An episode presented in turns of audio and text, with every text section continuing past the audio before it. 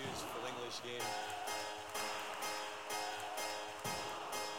We're not creative enough, and we're not positive It's enough. coming home, it's coming home, it's coming, football's coming home. We'll go on getting back, on getting back, on getting back, on getting back. It's coming, football's coming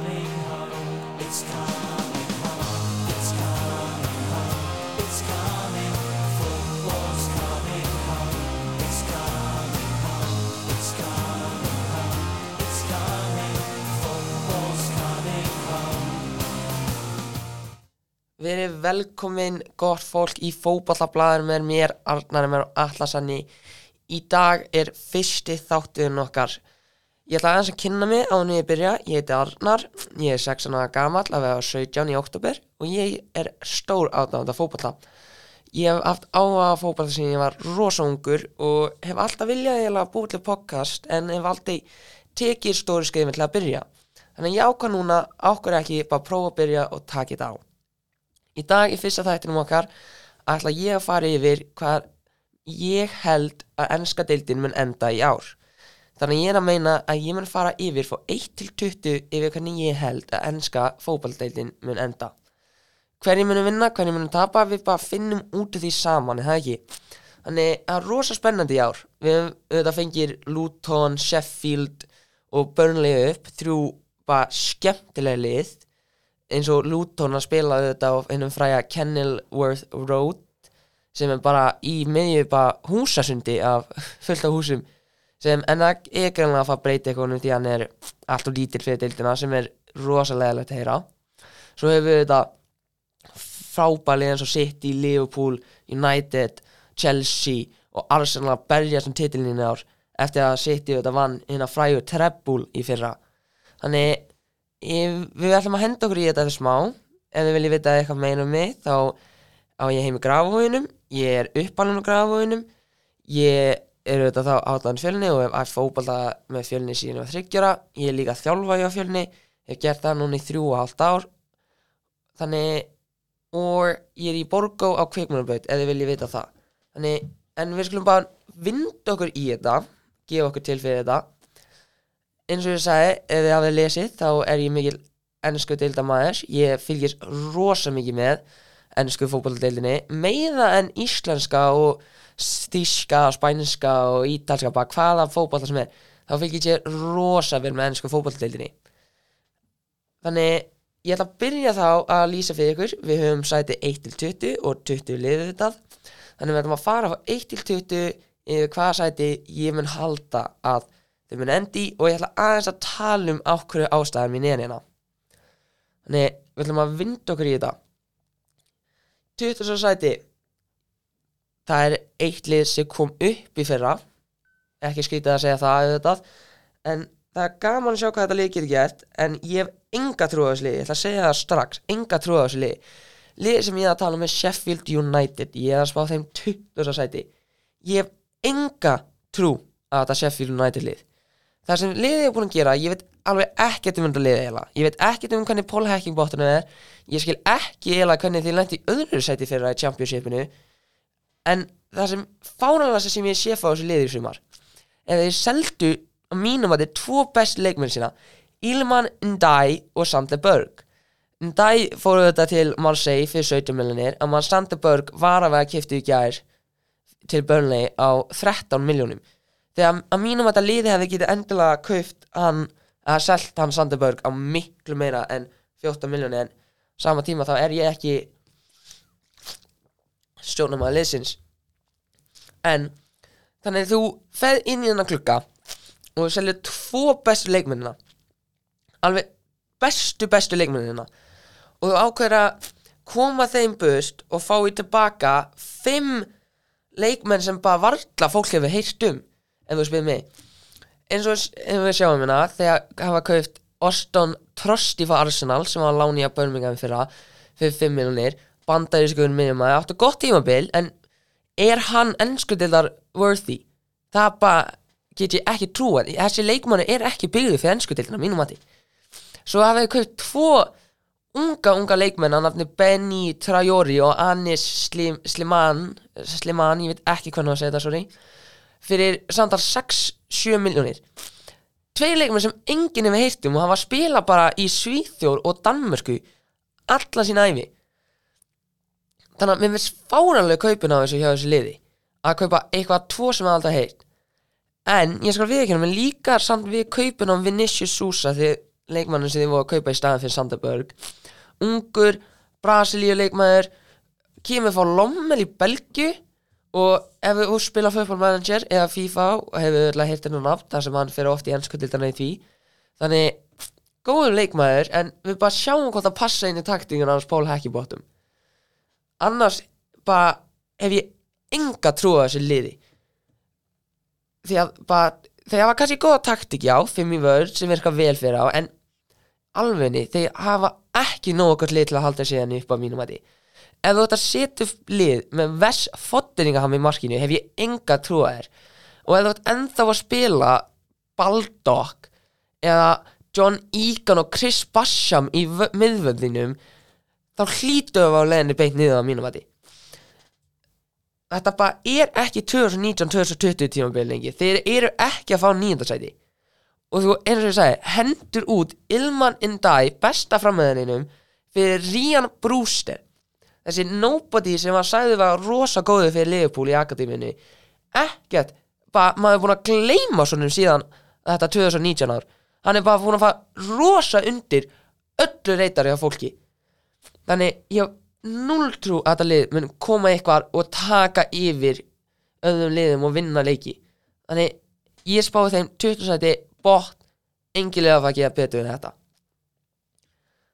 Annars þá skulum við vinda okkur í 19. sæti í 19. sætinu hef ég lið sem ég vill eiginlega ekki sjá falla en ef við förum raunverulega og skorum yfir hinn liðin sem við höfum með þessa deild þá er þetta lið að mínum að þetta ekki nógu gott og hinn liðin og það er Luton Town mér langaði ekki að sjá Luton Town falla og, ég held að það er ástæðan okkur ég hef sett á í 19. sæti því að ég hef meiri ástuðu að þessu liði en eins og Sheffield United Luton lið sem hefur þetta búin að byggja sig upp frá þannig hvað, bara neðurdildum komið sér upp í IFL og er búin að byggja sig upp. Sjátat á hann Pelli Rudok Impansu sem er búin að vera á þessu liði allan tíman síðan þið voru í niðri deildunum.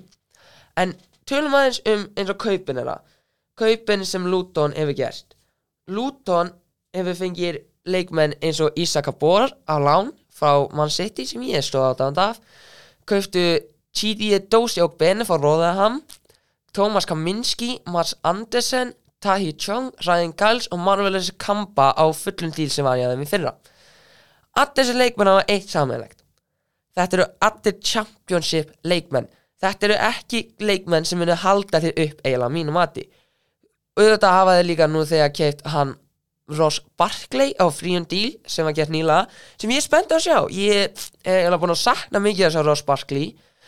Auðvitað er ungur geggjaði hjá Evertón hann má eiga það, var bara geggjaði hjá þeim. Svo fór hann til Chelsea sem er eiginlega allt fyrir honum og auðvitað endaði að spila minna minna og var ekki átándi og Conte þannig að Sarri var ekki átándi og Lampard var bara með átándi með þessi Mountain og Sparkly þannig að neðilega hvernig þetta hefur enda út fyrir hann en ég er spennt að sjá hvernig hann mun verið í þessa bönulið að Lutonlið, afsakið. Og þetta lið er mjög skemmtilega stilt upp með fimm í vörð eins og Sheffield eitt af þeim fáliðin sem spila eða fimm í vörð í ár.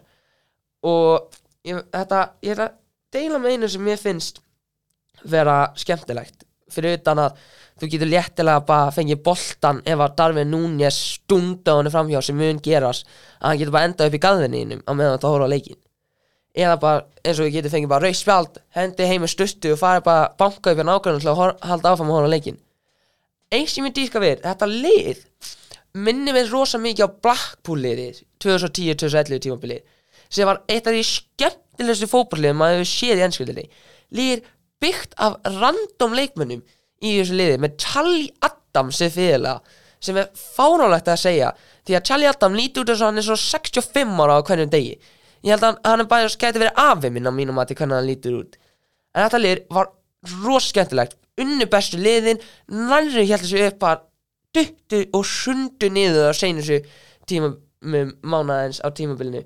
Þannig mér finnst þessi tvölið Blackpool 2011-2010 og Luton í ár vera tvölið sem eru eiginlega alveg eins.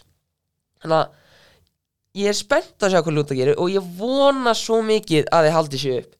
En hver veit, þeir eru líklega að fara falla 90%, 90 tímanum. Minn en eitt skemmtilegt að vilja vita svo er að þetta Blackpoolið sem ég er að tala um með að líka við Luton skemmtilegt að segja að, mar, að þjálfarinn hjá Luton, Rob Edwards var í því Blackpoolið, hann var í þessu Blackpooliði sem spilaði hann í ennskudelinni þannig að skemmtileg líking að mínum að að hafa hana. En þá skulum við vinda okkur núna í átjóndarsæti í átjóndarsæti hef ég Úlfana, Wolverhampton Wanderers. Ég hef eiginlega enga vona á þessu liði.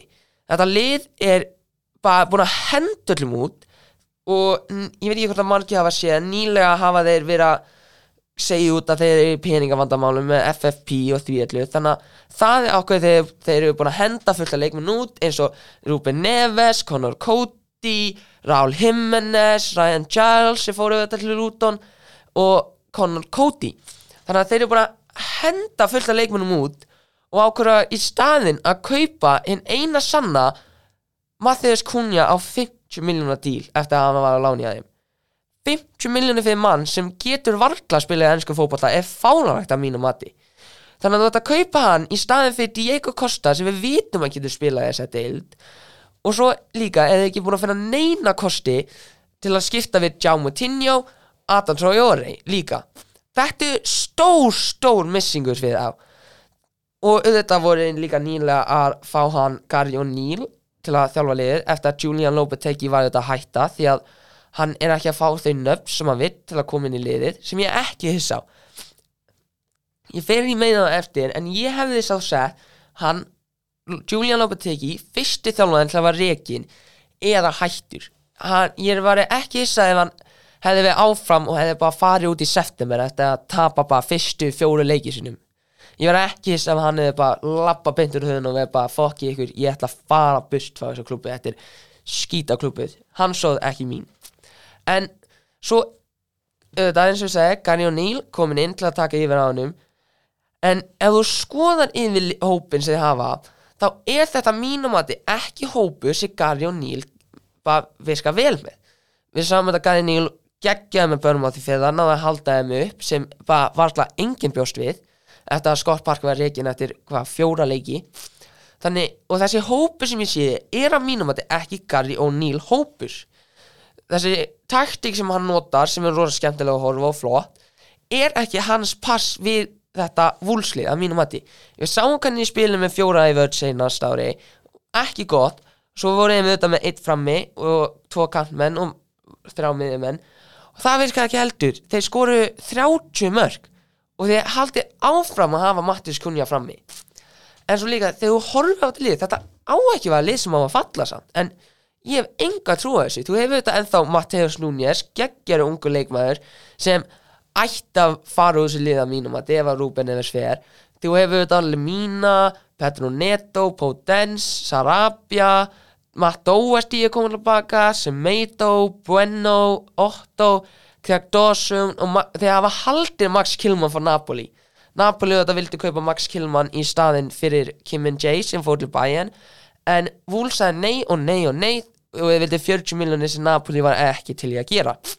Þannig það er gaman að sjá þetta lið heldur sig upp en ég myndi gíska átjóndarsæti Gary O'Neill verður rekin í februar að janúar og liðin mun ekki ná að halda sig upp og mun falla að ég ætla að segja næst seinustu umföðinni næst seinustu umföðinni munu þeir detta niður í championshipið.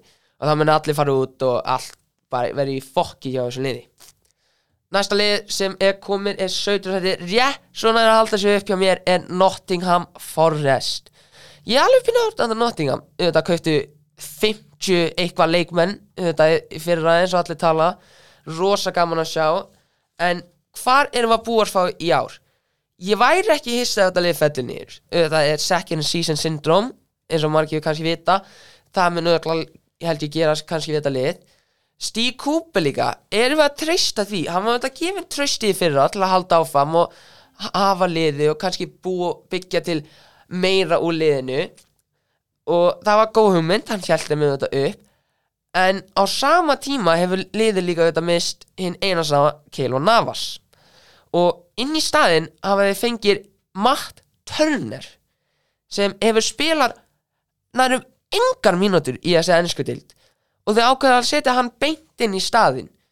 Að mínum að þið hefði ég frekar vilja sjá það að fara út og kaupa Dean Henderson bara á fullum díl fyrir 20 miljonir en þið geðu það auðvitað ekki og ákveða að velja varamarkmann Arsenal á meðan það sem Arsenal auðvitað að fara að kaupa David Raya á lán. En annars er þetta rosa skemmtilegt lið að horfa á hérna. Ég held samt ég ætla að segja eitt, ég held að Steve Cooper verður fyrsti þjálfaðin reikin á þessu tímubili ég veit ekki hvort margir er vita en þjálf eigandi liðsins er líka eigandi Olympiakos í Greiklandi og er hann þekktur með Olympiakos að reka þjálfara hvern annan mánu eins og Watford? Þannig ég verð ekki hist að Steve Cooper verður reikin í oktober, november fyrir einhver annan þjálfara sem kemur inn gerir sína vinnu og nær rétt svo halda þeim upp í þessa deild. Eins og sagði, næst seinast að sæti þá detta, eða næst seinast umferð þá dettur vúls niður. En ég er forvitin hvað gerist með þetta lið. Auðvitað kauftu hann unga svíjan Antonia Langa frá Manchester United og Chris Wood komin inn á bak nýjum díl sem var 100% keiftu bara til að láta bönli falla þegar Newcastle þurfti nú þetta að halda sér upp til að fá alla þessa sáti peninga svo það var líka fengið en unga Óla, uh, unga er ég að segja 26 ára Óla Æna sem var auðvitað í Akademínu á Chelsea og búin að vera í Torino og Ítalíu sinns ár á fríum díl. Þannig ég er spennt að sjá hvernig þetta lið með stilla sig upp auðvitað með fullt af leikmennum og stóran risahóp sem þið hafa hana.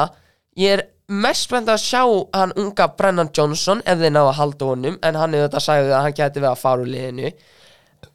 Ef þið missa hann þá gæti að við meiri líka við fallin en þið haldið. En þetta er þegar að byrja 40-50 miljónir fyrir hann sem er bara fáralegt að mínum mati. Annars þá er þetta ungt lið með samt nógu mikið góðu gömlum ensku mönnum. En fram með hennir Taiwo Awoni, Chris Wood og Emmanuel Dennis ef þeir að fara að skora nógu mikið mörgum til að halda þeim upp það held ég ekki en ég vil gefa eitt nafn one to watch. Gustavo Scarpa. Ég er spennt að sjá hvað þessi leikmaður mun gera fyrir Nottingham. Ég vonaði nota hann mikið svo við getum aðeins sem betur út hvernig leikmaður hann Scarpa er. Brasilískur ungur samba samba segi ég. Núna 16. sæti þetta er lið sem sumur elska búin að vera í þetta í efstu deild í mörg mörg ár. Þetta er Everton Football Club. Ná, ég ætla að byrja á því ég elska Sean Dyche. Ég elska sér þjálfara, elska rödduna elska hann, bara geggjaður náungi. Er samt liða að halda sig upp? Það er stóra spurningin. Þeir eru auðvitað líka fá nýjan völl sem þeir eittu tugin af peninga til að gera. Þannig með minni að þeir munu kannski vinna í honum á þannig að þeir verða auðvitað ekki á Guttinsan Park sem er stóð ástæðu þeir halda sig upp alltaf Guttinsan Park geggja átöndur með eða það, ef þannig með frábæð átöndur þannig og þegar þú mæta á Guttinsan Park þá átti eftir að hafa eða þetta mínum tíma. Við sáum það með Arsenal í fyrra og Tottenham líka. Þannig að spila ekki á Guttinsan Park held ég að vera stór missingur fyrir liðið þar sem liðið er rosa skemmtilegt. Og ég væri til að sjá það að spila með á Guttinsan Park en nýja völlunni þetta en að mínum að þá hafa Evertón ekkert eitthvað svona það sé ekkert að eða peningum. Einu, tvö kaupera eru Ashley Young sem er hvað 30 að vera 8 að vera 40 hvað erum við að treysta því? Svo hafið þetta kaupt hana Dan Juma sem þið vildu í janúar á láni núna, loksins. Þannig en erum við að treysta á honum og hann muni eitt bjarga þessu liði liði hefur líka, ég veit ekki hverju margir þetta er að kaupa ungan Youssef Chermiti fá sporting, ungur frammeri svo er þau líka í tölum verið að kaup, fá á lán PSG fram meðan Hugo Ekitike ekki hvernig að setja nafn, rosa skemmtilega nafn. Þannig að erum við að treysta á honum og þessum Chermiti, tveir ungi leikmenn til að taka yfir Neil Mopai og Calvert Lúin Calvert Lúin er þetta alltaf meittur, Neil Mopai bara lélögu fram með því þannig að erum við að treysta Hugo Ekitike eða Chermiti til að koma inn og skora fullt af mörgum það er stóða spurningin sem ég vil segja. En á sama tíma þá setja yfir hinliðin því að þeir eru auðvitað að fá Jarrard Branthwaite tilbaka á lán Ante Gómez og Deli Alli. Ég er spennt að þessu Deli Alli. Veit ekki hvað hann margir af heitt en hann var í viðtalið með Gary Neville fyrir stuttu þar sem hann ákvað að koma út, út og segja fullt af leiðinlega hlut sem hann gert í genið lífi sitt geggja respekt á Deli Alli fyrir það. Vona það besta fyrir hann og ég vona svo mikið að hann spila rosa vel. En þetta lið er samt 50-50 relegation eða ekki að mínum að þetta gæti fallið, gæti haldið sér uppi. Við bara sjáum til.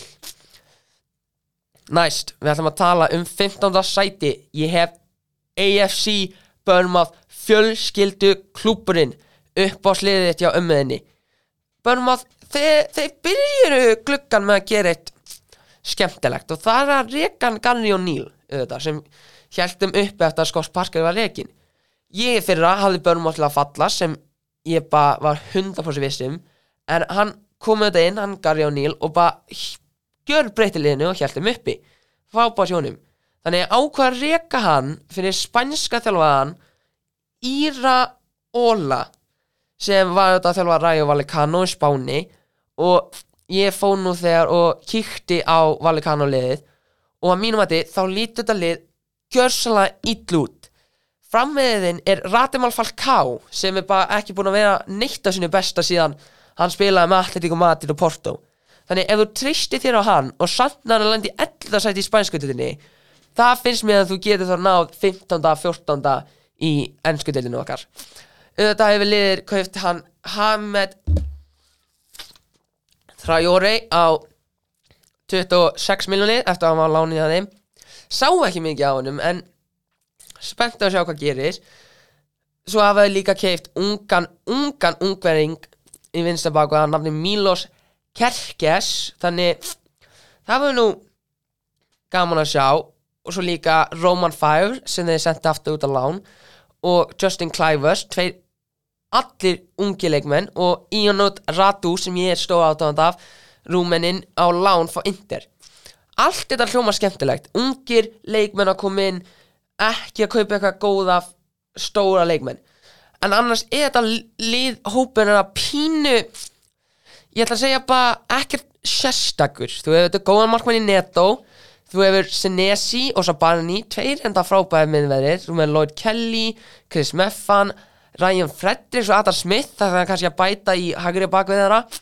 Mirjan ekki neitt spennandi með Billing, Cook, Þorthvel en þetta virka vel hjá liðinu. Fram með henni líka, Dominic Solanke hann þarf að stíu upp og gera eitthvað. En þeir hafa hann Anthony Semenio sem var á láni fyrir hjá Luton. Spa, spenntur fram með henni. Ég er skaman að sjá hvað hann gerir. Ég er með alveg stór við mér við hann, ég held að hann mun gera alveg pínu vel, hann mun byrja í staðan fyrir Solanke að mínum að en það mun auðvitað ekki geðast ungi Liverpool og Chelsea leikmaðin skulum núna, núna færa okkur við í 14. sæti. 14. hef ég hinn eina sjálfa Vincent Company lið sem ég dýrka Burnley. Ég er risa átándið þessu Burnley. Ég elska Burnley, dýrka þetta lið dýrka hennar klúb dýrka völlera töfsmól líka.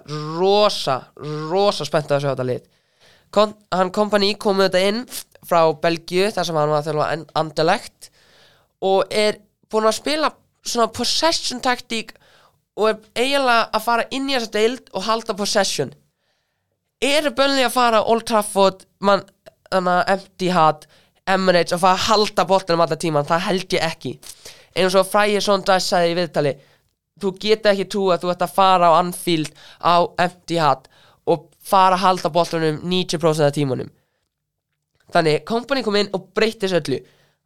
Liðið er hægt að kaupa bara íska eða enska leikmenn, skoska frá Breitlandi byrja að fara út um allt að kaupa. Það er spennandi að sjá með þetta lið sem kompani við gert. Auðvitað eru búin að kaupa einn ungan svislending sem spilaði með Basel að nafni Segi And Amduni 22 ára gamall spennandi að sjá hvað hann getur gert í þessa deild en hver við, þeir hlýta að fara henda í framverðan sinn sem þannig að J. Rodríguez hann þetta kann að skora mörg í þessa deil þannig að spennandi sjá hvað þeir munu skipta þeim á milli svo er þetta eða með hann unga Michael Oba Femi og Lyle Foster líka fram með hana svo voru þeir líka auðvitað búin að kaupa Nathan Redmond sköllóta gæjan sem fór til Tyrklands og kom tilbaka sköllótus sem er skrítin sjón að sjá kauftu svo líka góða championsleikmenn eins og Dara og Shea og Sanderberg fá Sheffield. Þetta er góð kaupa mínum að relegation, favorites, Sheffield og Burnley geti við að falla þannig að taka einn af góða leikmennum Sheffield. Kauftu Jordan Bayer á deal bara permanent og James Trafford, ungi ennski markmaður sem fekk engin mörk á sig undir 21 landsliðinu með þannig að Englandi. Þannig góðu markmaður sjáum hvort hann byrjar yfir auðvitað Múrich markmannum sem Burnley hefur byrjað eiginlega síðan kompani tók yfir. En svo hafa þau þetta mist fullt af leikmönum sem við vorum að láni eins og hann Nathan Tella farinn. Hafa samt f- mist hann sem var frábær leikmaður hjá liðinni fyrra. Frábær leikmaður þannig að mér finnst þetta að vera rosalega að missa hann. Þannig en liðið þetta orða við að kaupa þannig að Max Arons uh, nei, Börnmátt var að kaupa Max Arons afsakið Börnmátt eða að kaupa Alex Scott og Max Arons tveir ungi leikmenn, spennandi að sjá með það. Að meðan Burnley er að hugsa um að kaupa Mohamed Darami er að Aron Ramsey frá Aston Villa þannig að spennandi að sjá hvort þeir muni gera það. Svo hefur líka Wood Vegas The Goat með eitt af minni upp á sleikmunum farir aftur til Þýskalands á lán. Þannig þetta lið er alveg svona góð bygging af ungum spennandi leikmunum og leikmenn sem hafa spilað í ennskutinni sem eru með 20, 27, 28 aldinum eins og okkar maður Jóhann Berg Guðmundsson sem fekk auðvitað klikkaraukt í prísisson, ég veit ekki hvort það margir hafi séð það. Þannig þú hefur þetta þessa ungu leikmenn svo hefur aðra eins og Jordan Bayer sem þú hefur að kaupa. Þú hefur Dara og Shea sem er championship. Ég veit ekki með hann. Svo ertu þetta með Charlie Taylor og Conor Roberts gótt fólk. Það er einn one to, watch úr þessu liða mínum að því fyrir utan Manuel Benson hægri kantmaður sem mun berjast kannski við Jóhann Berg og Nathan Redmond um staði í þessu liði. En eitt sem ég tala um er Jakob Brún Larsen danski vinsti kantmaður, vinsti bakvö hvað sem þú segir. Ég nú held að það veri veikipunktin liðinu, vinsti kantin, þú veit Taylor, Charlie Taylor og hannana þannig, og mörglið hafa þetta góða hægri kantmenn, Saka, Sala Antoni, nei ég er að tjóka núna. Þannig, það verður létt fyrir kannski lið að fara á þessa tvo sem er ekki það góða mínum að til að byrja dag inn, dag út í þessari Þetta nú sæti liðir með elsta þjálfaðan í þessari deild Crystal Palace. Crystal Palace mistu Vilfred Saha.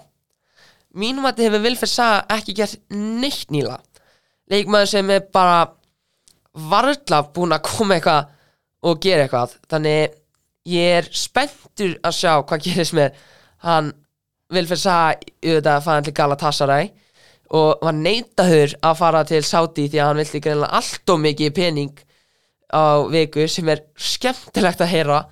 En ef við fyrir aðeins þetta lið bara tvö kaup. Hann Jefferson Lemon frá Burnmouth sem var alveg frábær fín í fyrra og en ungi Matteus Franka frá Brasilíu Samba Samba. Þannig þetta lið er með rosa skemmtilega sóknarlínu. Þú hefur uh, hann unga Matteus Franka þú hefur Essay og Lís sem gæti verið að framfá liðinu ég held ekki. En þannig að það var gaman að sjá þessa þrjá vinna saman.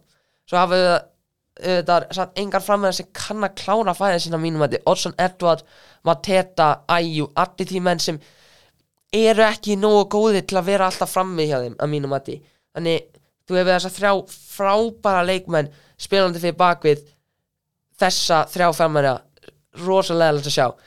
En miðjan er sterk í punktinu á þessu lið þú erum með Jake Dukure, Lerma og Will Hughes og Jeffrey Slup þrýr frábæði miðjamenn mínum að sem hafa munu berjast um byrjunarstað í þessu liði day in, day out. Vörnin er samt skemmtileg en er með svona veiku punktu auðvitað Vincent Gaeta hefur sagt að hann vil fara frá liðinu þannig Sam Johnstone nefnum að kaupa sér annar markmann sem ég hef ekki heilt neitt um að þeirra er í markanum fyrir eitthvað nýjan markmann en Sam Johnston verður þá líklegast aðalmarkmaðurinn með Mark Wehi, frábæleikmaður og Joachim Andersen, tveir frábæða miðveðir og svo Mitchell eða Lewis Hall sem getur að koma á lán og Nathan Klein. Erum við að testa því að Klein getur ennþá spila hver veit, en Roy Hodgson hann kann á þetta lið. Þetta er okkur þetta lið hallu halda sig uppi, Roy Hodgson kann á liðir, ungir, búin að breyta sig við sáum með Viera, náðu ekki voru alveg að spila pín illa fengu Hodgson inn, gjör breytt þessu liði og þeir bara voru á geggjaði uppleið að mínum að að enda senast að tímabils. Skulum fara okkur núna yfir í þre, nei, tólta sæti afsakið gott fólk. Ég skrifar fullam í tólta sæti. Ekki mikið að kaupa um liðunum. Ef við kauptu auðvitað Ral Jimenez sem meitti sig í hausnum fyrir lungu og rosalega að heyra með það og hefur eiginlega ekki fundir skotskona sína aftur síðan þetta moment en liðið fengir Mbabu aftur og fullt af góðum leikmennum og kauftu eitt sem ég er rosspennt að sjá Calvin Bassi nýgeri líkmaðin frá Ajax var þetta hjá Rangers. Ég er spennt á að sjá hann. Auðvitað er liðið kannski að að missa Mitrovic sem er eiginlega ásnakku ég hef það í tólta ef þið væri með Mitrovic myndi ég kannski henda þeim aðeins upp. Að það var miklu meira erfiða fyrir mig en ég held að Mitrovic er á leiðinu út þessu félagi.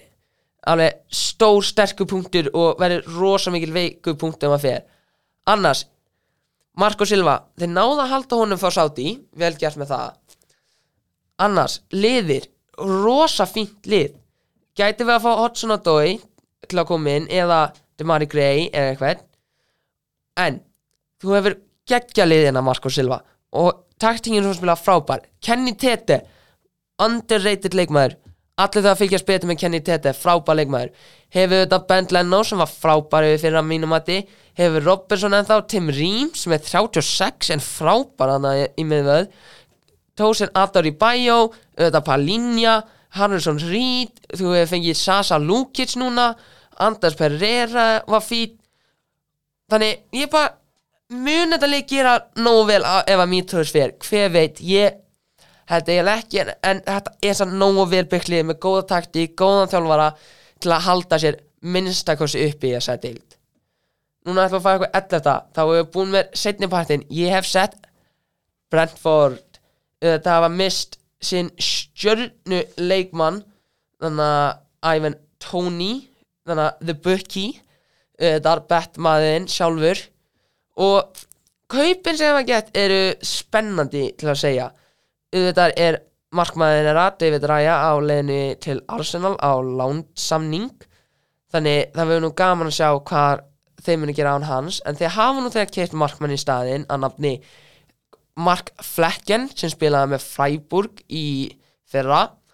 Fýtleikmaður mun hann passi í taktík Thomas Frank strax, hver veit. Og spennand að sjá.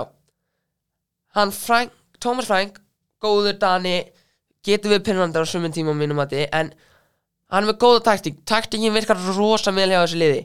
Sáum sem leikmenn eins og Brian Umbremo, Ben Mee, Ethan Pinnock stíðu upp tóku annað level í fyrra á mínum mati. Þannig þú hefur Umbremo, þú hefur Vissa þú hefur Kevin Schad sem þið kauft á permanent frá Freiburg sem gæti gett eitthvað. Hefur þetta líka keft Nathan Collins sem er betri en Max Killman í þessu mómenti.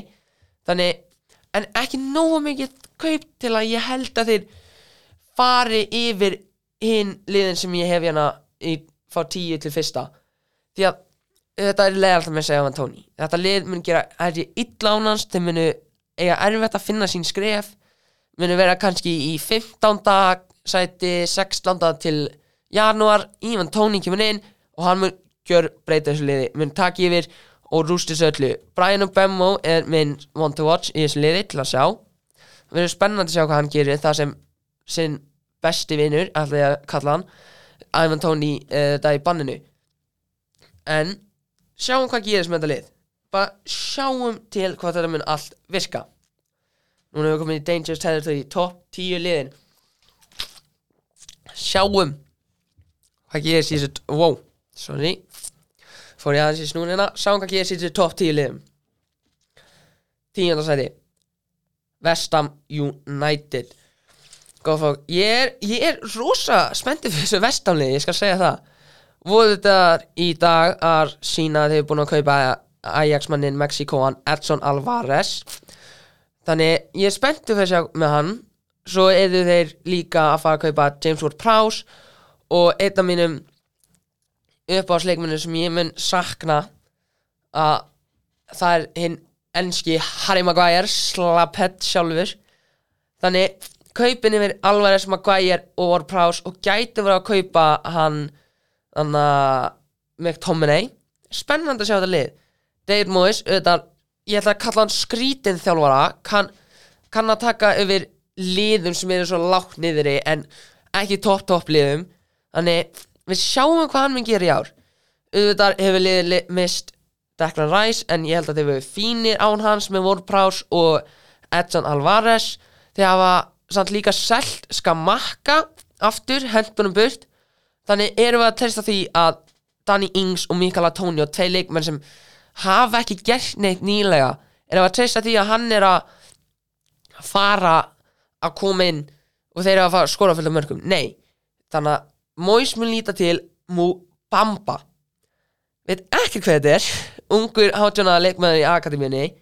Hann er búin að spila rosa mikið í prísísun hjá Vestam og búin að gera pín rosa veður, búin að skoða fullt af mörgum þannig ég er spennt að sjá hvernig hann mun fara inn í þessa deild og byrja day in day out.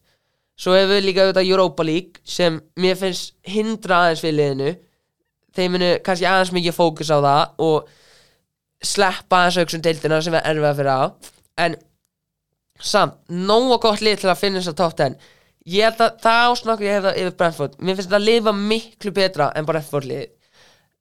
Geggjukaup, ég er spennt að sjá þetta lið en bara býnum að sjá til. Þetta lið gæti samt verið bara þetta er svo 50-50 eins og Everton. Þið gæti við að falla, gæti við tíunda. Þetta lið gæti alveg verið bara frá sjönda sæti til 20. bara getur verið bara hver veit. Núna, nýjunda sæti. Kannski pínu sjokk fyrir marga. Ég hef Brighton Hove Albion. Skal við kemna, í fyrra hafði ég þá til að falla þegar ég hafði trúið á Graham Potter myndi hætta til að taka við ennska landsliðinu sem myndi eigðalega klúbin en það gerðist, hann fór frá liðinu og hvað var Chelsea í staðinn. Og þeir bara fengur nýja þalva út úr engu til Serbi frá Ítalíu. Og tjöfilega hann er búin að gera vel með þessu liði. Hann það, hann er búin að kjörbreyta þessu liði í eitthvað klikka lið. Þetta er skemmtilegt lið með leikmenn sem gæti vel leiðinni eins og Kai Seito og það er við Chelsea og Liverpool. Þeir eru að berja þessu þennan og líka hinn unga Rómið og Lavia. Þetta er eitthvað skrítið hvað er að gera þar? En það getur ekki verið að þetta liða að fara skýta upp á baki ár. Getur ekki verið aftur eins og með Vestam, Europa League með 100% hindi þetta liða eins en hópur sem að feng, hafa núna er alveg góður hópur samt að mínum að því hefur þetta fengið inn Mohamed Dahoud frá Dortmund, góður leikmaður Kongin, James Milner Igor Barstverbruggen og João Petro allir ungi leikmenn, spennandi að sjá hvað þeir muni gera í þessa taktík. Ég held að þeir allir samt passa alveg vel í að setja Serbia að leita af svo hafa líka kaupt eitthvað ungan rúmena Adino Marsilu ekki þess að hann kemur bara allir inn og byrja að rústurlu en Simon Adingra. Ef að mítum á leiðinu út þetta er leikmaður til að horfa geggjaða leikmaður. Annars mun þetta lið gera jafnvel án McAllister. Já, þetta mun þeir verða í fína lagi sko, að að þetta fína, fína lagi á McAllister. Svo þetta fór Robert Sanchez líka til Chelsea sem ég veit ekki hvort að margir sá það fyrir sig að Chelsea að fara að kaupa þennan markmann og henda kepp út fyrir Robert Sanchez. Ég veit ekki hvort að margir sá það fyrir sig en ég sá það allavega ekki. Annars Brighton bara spenntu fyrir þessu liði skeggja að horfa. Ef ég vil segja spenn mest skemmtilega liði til að horfa í ennskuldinni eins og ég sagði, Kaseitu út breytir engu held að mínum að þið svo það að tala um að fá Mohamed Kudus inn, ungur Ajax leikmaður frá Ghana. Spennandi, spennandi leikmaður. Ef hann kemur inn, want to watch líka. Spennandi að sjá hvað hann gerir í þessa deild. Áttunda sæti. Núna kemur að því, núna kemur að eitthvað sem ég hrætti við. Ég hef sett lið. Top 6 myndum maður segja. Lið sem hefur ekki unnið raskat á tíðinni. Þetta er Tottenham Hotspur. Ég hef sett á í áttunda og ég vil bara segja mér líka við breytinguna að fá Andi Postakoglu inn. Mér líka við þetta. Feitur, ástali, eye mate. Spennt að sjá hvað hann gerir þetta. Hefur samt rústar öllu með klúbun sem er. Fór til Japan eftir ástali að vinna það. Vann japansku dildra fór til Celtic, rústaði öllu þar. Sjáum hvað hann gerir. Að mínum að þetta þarf að samt aðeins tíma. Aðeins tíma með þetta lið. Eitt sem ég var að segja er að Daniel Levy hefur hend peningu sínum hann er að henda þeim út fyrir þennan ástala. Þegar þetta hefur keift James Madison, Mickey Van de Ven Pedro Porro, Dejan Kuluveski Vicario sem bara, hver er það? Og Alio Velis frammeðan allt 200 miljónir sem þeir eru búin að eira ég trú ekki hvað ég að sjá. En 200 miljónir allt mun Harry Kane fæði til bæinn ég hef heist að þeir eru búin að segja já við 120 miljóna bóði fá bæinn Harry Kane mun líklas fara og vinna titla. Þannig Richarlison er þetta ekki tímabilið hann til að stíu upp og vera að gera eitthvað? Það er kannski leikmaður sem ég vil hendi inn í funda fantasy-liðum með að hugsa Richarlison. En þetta lið á bara að gera betur. En taktikinn lítur vel út. Maður sá það í prísinsson, skemmtileg bolt að vera spilaður. Þú hefur Cristiano Romero ennþá, þú hefur Son sem spila í en hann þarf að fara stíu upp. Þú hefur Hoitsberg, þú hefur Ísby Súma sem að stíu upp. Þú hefur með Ívan Peris sem það, HM Sigurvera þetta lið getur ekki neðin átt þetta mínum að því Andi Pósikoglu byrja rólega, fæfölda jafntöflum fæfölda töfum, sigra nokkar leiki sem hann á að sigra. Áttundarsæti, ekki með það. Ég meira trú að þessi topp sjölið sem ég hef eftir muni gera betur en hann. Þannig við skulum vinda okkur það. Sjönda sæti. Money money money. Newcastle United. Ég veit ekki hvað þetta var, ég afsaka fyrir þetta. Newcastle, ég hef Newcastle í sjönda ég held að þetta var ekki sama fyrir til og í fyrra. Þetta fyrra, höfðu þið engan Evrópa fótballa til að hinda sér. En í ár hafa þið haft Evrópa fótballa núna, þannig að þið er Champions League og að mínum að þið, ef þú lítir á klubbin þeirra þetta lið er ekki með það góðan hóp aftalega til að, spi til að spila í Champions League minnandi þau hefur þetta Sven Botman, Fabian Schär frábæði tvei leikmenn sem spilur rosa vel í fyrra. En bak við þá hefur þú Jamal Lascelles, Matt Target og Paul Dommet Paul Dommet er að fara að spila í meistandelinni mögulega. Hvað í fokkanum afsakið? Paul Dommet er skýta skýta leikmaður. Þetta er leikmaður sem hefur bak við þá þessa tvo, Botman og Schär þetta er ekki nógu góð hópur til að fara, spila Champions League, þriðuta, miðuguta fara svo aftur um helgina. Þessi leikmenn með að döð þreyttir ég er ekki þess að þetta lið bara hrinur út úr bara þriðja seti í riðlunum eða bara speint út í 16. bara top 16.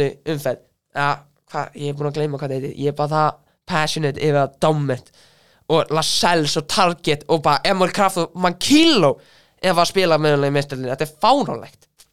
En það var kaup, kaup sem ég er hissi við að hafa gert. Þið kauptu Tonali sem bara líti út þess að hann vil ekkert vera hana bara hann elskar AC Milan og mikið. Harvey Barnes leikmaður sem er skemmtilegur en skrítin kaup fyrir 50 miljónir og Tino Liramento allt og mikið peningur fyrir hann ungan hægri bakvöld kaupir varnamann please, farið út, kaupið Todibo eða eitthvað Lukeba kaupið eitthvað því þið þurfir annan miðvöld í þetta lið svo ég get bara sagt að þið munin á Evrópu aftur. Conference League samt það er eitthvað. En Eddie Howe, góður, kannadilegir skemmtilegt en taktingin hans í fyrra var að eigða mikið að tíma, hafa ekki boltaninn á vellinum. Ennska deilinu er búin að breyta því. Núna verður auðvitað völg HM bættur tími við. Þannig þetta mun hinda alveg vel á þetta liða mínum að þetta mun aðeins hindra á en ekki eitthvað mikið eins og margir munu kannski segja, segja. en sjöndarsæti ég myndi að vera sáttu með það ef ég var Newcastle átaðandi ef þú ert Newcastle átaðandi og þetta hlusta á það ég myndi alveg trú að þú ert að skýta yfir mig núna en þetta er bara sem ég held að mínu mati. Núna, sjötta sæti. Ég hef Aston Villa, Birmingham klubburinn Piggy Blinders með. Þannig, ég er að búið sem miklu fásili Rosa miklu. Hefur Una Emery sem ég myndi að segja er bara top 6, top 5 mögulega þjálfari ég segi deild. Frábæð þjálfari, kann á þetta lið Hefur gjörslega breytt því síðan Steven Gerrard var reikin Og líka glöggin sem hafa haft Því líka glöggi Musa Diaby, Pau Torres og Júri Tílmans Allt samanlagt fyrir 88 miljónir Þetta er klikkaði glöggi að mínum að þetta er gott fólk. Og svo hefur við ennþá hópiðin af leikmennir eins og Jacob Ramsey, Ollie Watkins hann lítið vel út eins og hann var í fyrra.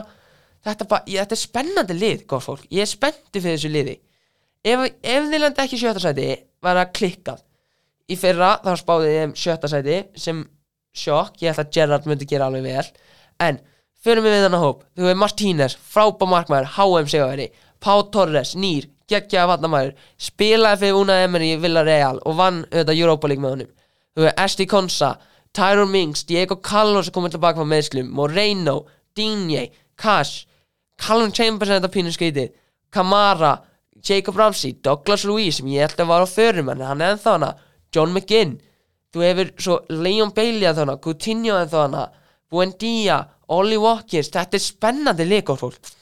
Þetta lið minnum að þetta er með léttilega fara upp í sjötta. Ég veit að sem myndi segja hvað með Conference League? Menn það er ekki hindra á? Conference League er ekki raskat þetta lið. Ef þetta lið fyrir ekki ég hef það þeim er drullum þetta. Hvað, þetta lið hefur nú þegar unnir Champions League einu sinni. Þannig að hverjum er ekki bara drull um Conference League að mínum að þið þeim er drull um það, kannski ekki unæði menni en ég held að leikmennum er kannski eiginlega drull um það. Þannig, þetta lið ef þetta verður ekki í sjötta sæti ég verð rosa, rosa hissa. Fymta fymta sæti góð fólk. Hvað mun missa út af Champions League? Það gæti samt breyst því að Champions League út að breyta og reyna eins og súpileikið þar sem þú spila átta leiki og áttunni leikun í janúar. Þannig, og ef það gerist þá geti fymta sætið farið í Champions League. Ég hef Chelsea. Ég veit að margir segja að Chelsea endur þetta illa í fyrra. Endur rosilla. Graham Potter gá honum ekki nóga tíma gá honum ekki, gá honum glænýtt lið sem hann kundi ekkert á. Pochettino hann hefur haft tíma til að byggja þetta lið.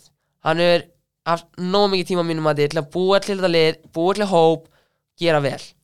Rhys James og Chilwell munu þið meðast ef að þessi tvei vera aftur mittir, já mikið fyrir það þá hefur þetta lið engan sens á top 4 en ef þeir koma, verða góðir verða aldrei mittir verða bara góðir í þessu lið, festa sér inn.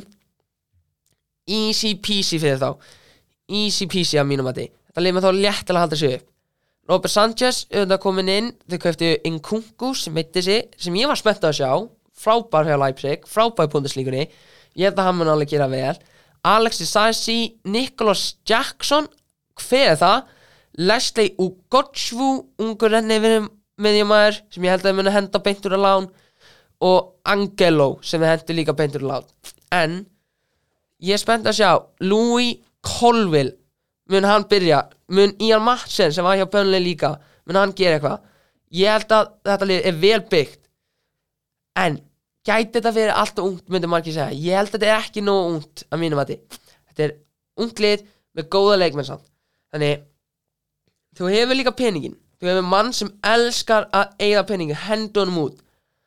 Og hefur góðan þjálfa í Pochettino sem kann á deildina rosa góður og þeir hafa líka enga Európa-kefni til að trubla sig. Enga Európa-kefni, það ætti að vera skýtlega fyrir þá. Sama getur þetta líka sagt með Tottenham en bara, ég hef enga trú á þeim Chelsea, gott lið þurfa að hafa mínum að þetta er Rhys James og Ben Chilwell helsa, hrausta auðvitað hafa selt fullt af leikmönnum fullt af leikmönnum uh, farnir út. Mount Havers, Kovacic, Koulibaly Pulisic, Mendy, Loftus-Cheek hendu þeim út. Conte, spilur Kvetta og Bamjang líka. En gott prísisson Pochettino komið með þetta líka í gang gæti við með þetta. Og ef þið fá Lavia, Casseto inn Vlahovic er líka talaður spennand að sjá. Fjóða sæti. Hvaða lið er í fjóða sæti? Liverpool. Ég hef sett Liverpool í fjóða sæti. Gæti við pínuskýti fyrir suma. Klopp, auðvitað frábært þjálfi, roskendilegu hver elskar ekki Jörgen Klopp?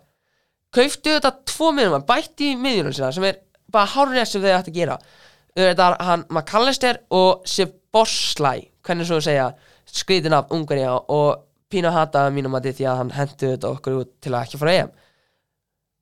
En þegar þetta fengu þá tvöinn en hendur svo allir miðjunum sinni. Þeir hendur Fabinho út Jordan Henderson fann út, James Milner farin Nabi Keita farin, þeir hendur þeim út fyrir tvo miðjumenn. Tvo miðjumenn sem heita K- fyrir þá þeir hafa Curtis Jones og Tiago og Harvey Elliott. Curtis Jones og Harvey Elliott er ekki góða leikmenn á að því Það er bara að segja það. Þannig þeir þurfa að kaupa Casseto og Alavia. Þurfa að gera. Þá hef ég kannski aðeins með trúa þetta lið.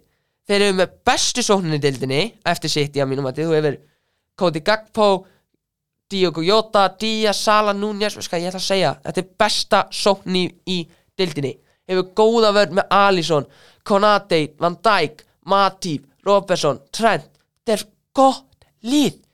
Bara miðjan er alltaf vandamálega og meðsli Ef þið ná að halda flestum heilum og hraustum léttilega gæti verið harðar fjóða en ég er bara ekki nógu mikla trúi miðjan er ekki það gór. Þannig sjáum til anfylgdu þetta erfið völlur. Þetta lið gæti verið fyrsta, fjóða, fymta hver veit, við sjáum bara til. Þriðasæti rétt svo missur út að vera í titilbátunni ég er Manchester United. Ég er mikið til að segja hérna. Til að geggjaði þjálfari. Díska það sem hann er búin að gera fyrir þetta lið. Frábær, frábær þjálfari. En kaupin er það. Og Nana, frábær markmaður geggjar alveg til að hafa leikmaður hefur þetta við geggjaði á honum. Geggjaði fyrra, úrslita leikuðin öruglega maður leiksins ef þegar unnið, öruglega svo að við kaupt Mason Mount sem ég ætla að segja núna ég finnst þetta vera lélega kaup hjá þeim. Hvað var að stoppa þá fyrir að fara út og kaupa Tuchameni er að fara út og kaupa Federico Valverde hjá Real? Því að þeir hafa allt og marga leikmenn. Okkur, þeir myndi endilega henda Tuchameni út fyrir 80 miljónum þetta er bara 20 miljónum meira en þeir kaupi fyrir Mason Mount að mínum að því þeir myndi endilega vilja gera það Liðið er samt ekki búið, eins og sagt, Maguire getur vel leiðin út, McTominay getur vel leiðin út, Fred held ég að leiðin út og þeir eru að tala yfir Benjamin Pavard, Totibo, þeir getur fengið fá Meditaremi á lán, þetta er, bara sjáum hvað gerist, spennandi lið. Hefur þetta fengið hann Garri og Driscoll, lækniðinn, til að geða töfra sín á Martial og Varane til að halda þá seistum, Johnny Evans auðvitað hana líka, þetta er fín hópur. Þetta er samt ekki hópur sem fer út og vinnur deildina mínum að því Ég veit að margir segja að Nana mun gjörbundsliði, láta þetta við fyrsta og bla bla bla. Ég held ekki. Gef bara rólir Ég veit að ég er þannig maður að ég held að United mun alltaf gefa vel. Ég er allt og jákvæður, ég ætla ekki að vera jákvæður í ár. Ég ætla að vera rólur, ég ætla að halda mér rói. Ég held þriðja sæti gott kannski eftir FA Cup úrslit eða eitthvað Carabao Cup. Bara róum okkur aðeins. Geggjaði leikmenn þetta, Shaw, Rashford ég held að hann við ennþá frábæði, Fernandes sjáum með Mason Mount Antoni líka, sjáum með hann. Jadon Sancho ef hann spila ekki á þessu hægri kanti vandamál. Vandamál, hann er miklu betur á hægri kanti en vinstri. Og Garnacho, Garnacho ég held að hann mun stíu upp á að gera vel. Rasmus Hóilund kom inn auðvitað fyrir 70-80 miljónir allt og mikið fyrir þennan leikmann sem hefur bara sko nýju mörg í tölskutildinni en hann, kauft hann, fengan inn fá núna að efla hann upp og reyna að breyta honum í næsta halan, sjáum til. En fleiri kaup Amrabat, Todibo eða Pavard inn, þetta mun breyta liðuna sjáum bara til með þetta. Þetta, er, þetta gæti verið í fyrsta gæti verið í sjötta, sjöunda fattir í, alveg eins og Liverpool. Þessi tvölið samt. Arsenal City. Þetta er 100% lið sem muni vera bara 1 og 2 100% ég ætla að segja það núna. Og í öðru seti ég hef sett Arsenal aftur. Surprise surprise City vinnu like, ef þú hefur ekki City fyrsta það er- þá veri, ég- er ég rosa hissaðir það var breytt liðinu fengu þrjá frábæða leikmenn inn á mínum hætti Johnny Timber, Havers og Declan Rice. Þrýr frábæða leikmenn. Taktímun sem breytast. Mikilvægt þetta er að fara eftir taktíkinni sem Guardiola notaði þegar þeir náðu hundastígum 2017-2018 tímabilið. Hann mun reyna afla því inn með Odegaard, Havers, Saka, Martinelli Gabriel Jesus frábær hópa af leikmönnum. Samt, þetta lið er ekki nógu gott að sitt í liðið að mínum að þetta er ekki nógu gott. Þeir eru þetta og það er við að fá bara lókun út. Ég veit ég, það er ræja inn sem er líka við miklu betur en Ramstil mér finnst Ramstil var pínu overreitir markmaður Shaka fór út Matt Turner þetta fann út bara leikmenn sem þeir þurfi ekki þeir er búin að henda þeim út. Bara þurfi ekki þessa leikmenn og fengi góða inn. Auðvitað, góð taktík hjá að þetta, góðu þjálfari, gáðum um tíma aðeins að byggja liðið upp á sínum hætti, vel gert hjá þeim að gera það og gefa honum traust. Sjáum til. Þetta gæti unni til það en sitt ég af að Haaland. Ég ætla bara að segja það núna, sitt ég af að Haaland að meðan Arsenal hefur Gabriel Jesus og Fabio Vieira og þessa leikmenn. En góður hópað leikmennum gæti ná langt í meistættinni við bara sjáum til með þetta lið. Fyrsta Man City auðvitað. Hvað hva annað Í alveg Man City er svo augljós að þegar það fara að vinna þessa deild. Eins og ég segi, ef hefur ekki mann sitt í fyrsta, það er ekki lægi með því þú ætti að fara til bara heilgjelsulækni sko. en sitt í boring, boring, city boring, boring, city ég ætla að segja það bara like, á hverju, á hverju þið það að fara út og fara að kaupa Joska Guardiol fyrir 100 miljónir bara besti með spennandi ungi leikmaðin í bara heiminum að mínum að því kaupa hann fyrir 100 miljónir, þeir þurfa hann ekki. Þeir bara þurfa hann ekki, þú hefur nú þegar John Stones Ruben Díaz, Nathan Ake Laporte eða þannig, hann getur vel einu út. Þú bara þarst hann ekki að mínum að því þannig þeir fá hann inn 100 miljónir, kaupir líka Kovacic fyrir Gundogan sem er stórmissingur að missa hann. En Kovacic, góður leikmaður tekur samt tíma fyrir hann. En þú hefur ennþá þetta Rodri Kevin De Bruyne. Hefur þetta þá ennþá. Þannig bara ættar úr þessu. Haaland en þannig að ég held að hann mun taka rólega ár. Hann mun ekki skora 56 hann mun kannski skora 49, 50 sem er ekki eitthvað mikið að taka rólegt. En þetta lið er gott rosa gott lið. Rosa ekki neitt veikpunktur. Já já, maður færin, Gundogan færin en þeir munur léttilega að gera vel á það. Þeir líka tala um að fá Lukas Paketa fá Vestam, Kyle Walker getur við að leinu út. Ég heyrti líka þeir getur við að kaupa Mitoma. Bara sjáum til. Það liði bara allt og gott við þessa deild. Bara allt og gott. Ef þeir lenda ekki fyrsta þetta er bara failure. Þetta er bara algjör skýta failure hjá Pekka Djóla ef þetta lið verður ekki fyrsta skýtur hjá honum. Hann ætti að vera reikin þá að mínum að þetta bara burs með hann mann. Ef hann vinnur ekki þessa deild. Fæðu bara burs, taktu við spænska landsliðun eitthvað og fæðu að vinna HM þá get ég kannski kallað besti í heimi að bara alla tíma. Þannig þetta sem ég held. Ég hef fyrsta seti City öðru seti Arsenal, þriðja United fjóða Liverpool, fymta Chelsea sjötta Villa, sjönda Newcastle áttunda Tottenham, nýjunda Brighton Vestham, Brentford Fulham, Palace, Burnley, Bournemouth Everton, Nottingham, Wolves, Luton, Sheffield. Þetta er sem ég hef. Samt, ég vil bætin inn með Fulham og eða, Palace og niður. Ég held að þetta veður þessu fyrra þetta verður svo sjölið í fallbáttu sem er rosa gaman alltaf að hafa að hafa fullt að liðum fallbáttunni ef þið viljið vita meira hver ég held að við markaðistur? Haaland auðvitað, leikmaður tímabilsins Haaland, ég held að mút Bamba getur verið pínu young play of the year, en ég held að frekar gefa það til Gabriel Martinelli. Ég held að hann verið frábær eins og hann var í fyrra. Ég held að hann getur unnið þetta ef ekki, Saka kannski Hóislund, nei að tjóka en ég held að það verið Martinelli. Fyrsti reikin eins og ég sagði Steve Cooper, ég held að hann mun var hendur út bæ oktober og einhver ungur annar þjálfaði kannski Graham Potter komin inn. Ég held að Bruno Fernandes mar með flesti sósninga því að þú hefur auðvitað Casemiro, Martínez, styrka það. Þetta er vel byggt en þeir eru að missa X-faktorinu mínum að því sem er frammeirinn, þeir þurfa Harry Kane til að vinna deildina mínum að því Man United þannig að Hóislund, hann er Hóislund afsakið, hann er ekki Haaland maðurinn sem þeir þurfa eða Kane maðurinn sem þeir þurfa til að vinna. Þannig Þetta er þetta af fyrsta þættinum að fótbolta blaðið með Arna Má. Ég mun þakka fyrir mig.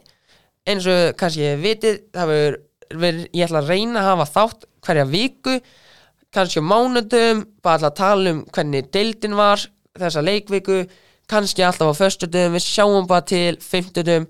Þættinni kom út þegar þeir kom út. Ég mun vinna vel í þessu.